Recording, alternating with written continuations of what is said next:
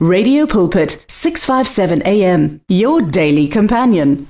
Kulohlelo lapho sithi khona mphatlalatsane ekseni kungolosihlanu ngilithatha leli thuba mlaleli ngikubingelele egameni elihle igama lenkosi Jesu Kristu waseNazaretha sibine sibonga nakubahle nhlapho ukusiboleka ke leli thuba. uNkulunkulu akubusise bahle nhlapho mlaleli ake sithi ke ukuyigoqa ke indaba yethu yewine elisha nezimvaba ezintsha newine elidala nezimvaba ezindala. Sibonile ivikele endlule safunda ukuthi akukuhle ukuthi umuntu athathe iwine elisha alithele emvabeni endala ngoba le wine elisha lingenza ukuthi imvaba endala iqhekezeke. Saphinde sasho ukuthi ke mlaleli iwine elisha kumele ulithele ezimvabeni ezinsha iwine elidala alibe semvabeni endala. Sabe sabonisana ukuthi lokho kubonisa ngempela ukuthi uma umuntu eseyisidalwa esisha kumele amukele izinto ezinsha okuyizwi likaNkuluNkulu. Ngoba mlaleli kunzima ukuthi umuntu abe yisidalwa esidala aphinde futhi ke ashumayele izwi likaNkuluNkulu. Akasoze alizwisise futhi akasoze alenza ngendlela efanelekileyo. Ngokuba lo muntu uyisidalwa esidala akafuni ukuba isidalwa esisha akafuni ukuzalwa kabusha. Ngakho ke uzoloke mlaleli abuyela emuva akhumbula into zakudala asebenzisa into zakudala mlaleli kube ngapha kunesivumelwane esisha. Saphinde sabonisana mlaleli ukuthi ke isivumelwane sakudala hlaba inkomo ukuchitheka kwegazi ukuze izono zithethelelwe. iBhayibheli lithi ke alizange libe namandla okususa izono zomuntu noma zokuthethelela izono zomuntu. Isivumelwano esisha ke kwaba yilesi ukuthi ke uJesu alenge siphambanweni ukuze igazi lakhe lichitheke lichithekele thina. Ngenxa yokuthi ke isivumelwano esekudala asizange sikwazi ukuwenza umuntu ukuba izono zakhe zithethelelwe. Ngakho ke njengalokhu sesiphila esivumelwaneni esisha kubalulekile mlaleli ukuthi ke sikholwe sizalwe kabusha sibe isidalwa esisha ukuze mlaleli sizokwazi ukuzwisisa lesivumelwane esisha esiphila kuso isivumelwane eseza ngoKristu. Ake ngithi kuwe mlaleli awusozo ukwazi ukuzwisisa isivumelwane esisha ngaphandle kwesivumelwane esidala.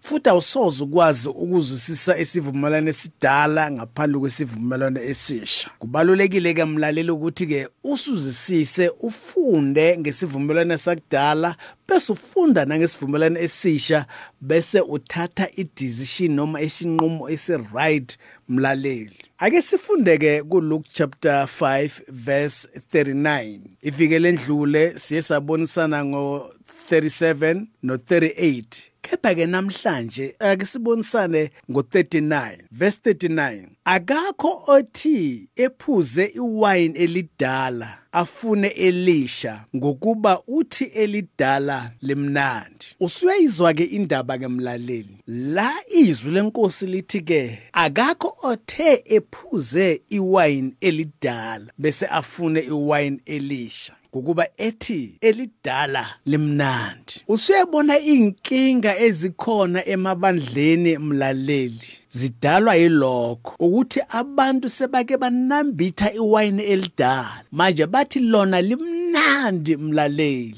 Ngakho ke abafuni iwayini elisha. Ngamanye amagama mlaleli izinguqu uko mlaleli eh zinzima kakhulu. Ukuba khona ushintsho umlaleli kufana na nasendaweni eziningi nje abantu basabambelele kuleliyana elentulo. Awu mlaleli kwangathi uNkulunkulu angaselekelele sizwe izwi lenkosi. Abantu basafuna ukuhlaba ukuze bathole ibusiso baphinde futhi bashumayele izwi lenkosi bakhulume ngoJesu.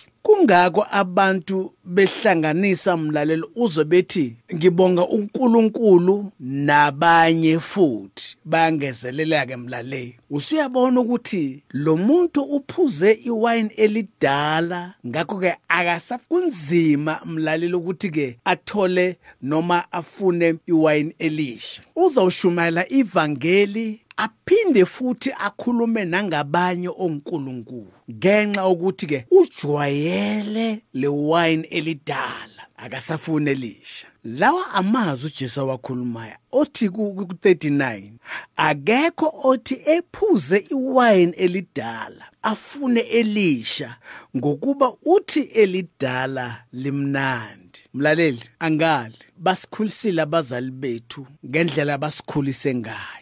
Abanye bethu bebasifundisa futhi ukuthi uma ungakhutshwa bheka emuva bese uthi gogo yimi ngamamagama ugogo useke asakhohliwe. Sikhuliswe kanjalo mlaleli. Saphinde sakhuliswa mlaleli ukuthi njalo unyaka uma uphela kube khona okuthize okwenzayo ukuze uvuselele lokho okuvuselelayo sikhulise kanjani sikhulile namhlanje. Kepha ke isivumelwane esisha sithi kumele sikhonze uNkulunkulu yena yedwa mlaleli. Bese izwi lenkosi lithi ke abadlulile emhlabeni abasana sabelo nabantu abaphilayo. Usiyabona mlaleli abadlulile emhlabeni abasenaso isabelo nabantu abaphilayo.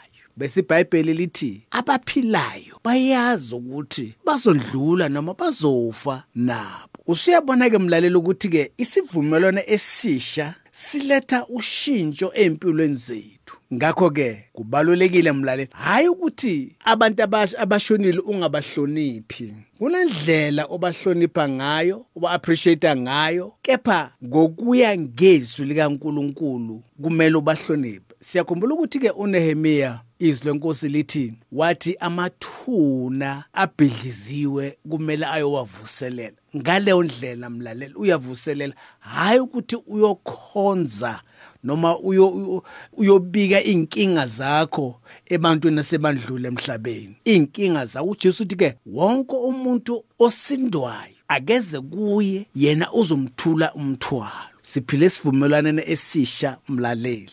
uJesu sethi ke akakho othi ephuze iwine elidala afune elisha ngokuba uthi elidala limnandi. Sinabafundisi namhlanje sinabashumayeli namhlanje abashumayela ngoNkulunkulu baphinde futhi bashumayele ke nangabantu abaphansi. Yilabo ke abaye banambitha iwine elidala abangafuni ukuliyeka abangafuni ukushintsha mlaleli. Babambe ngapha nangapha. Kepha uJesu uthi ke simelwe ukuzalwa kabusha. Lesikhathi sitshelwe Nicodemus athi umele ukuzalwa kabusha. Mlaleli abafundisi ama amaKristu asaphethe iwani elidala kumele azalwe kabusha. Ngenxa yesikhathi ake ngithi kuma la mlaleli ngithathe ke intambo ngiphinisele kubahle bahle intambo kezakho babayilapha ekhaya. The words of the Lord are words of life. Your heart is on 657 AM. 657 AM. Radio for believers in action.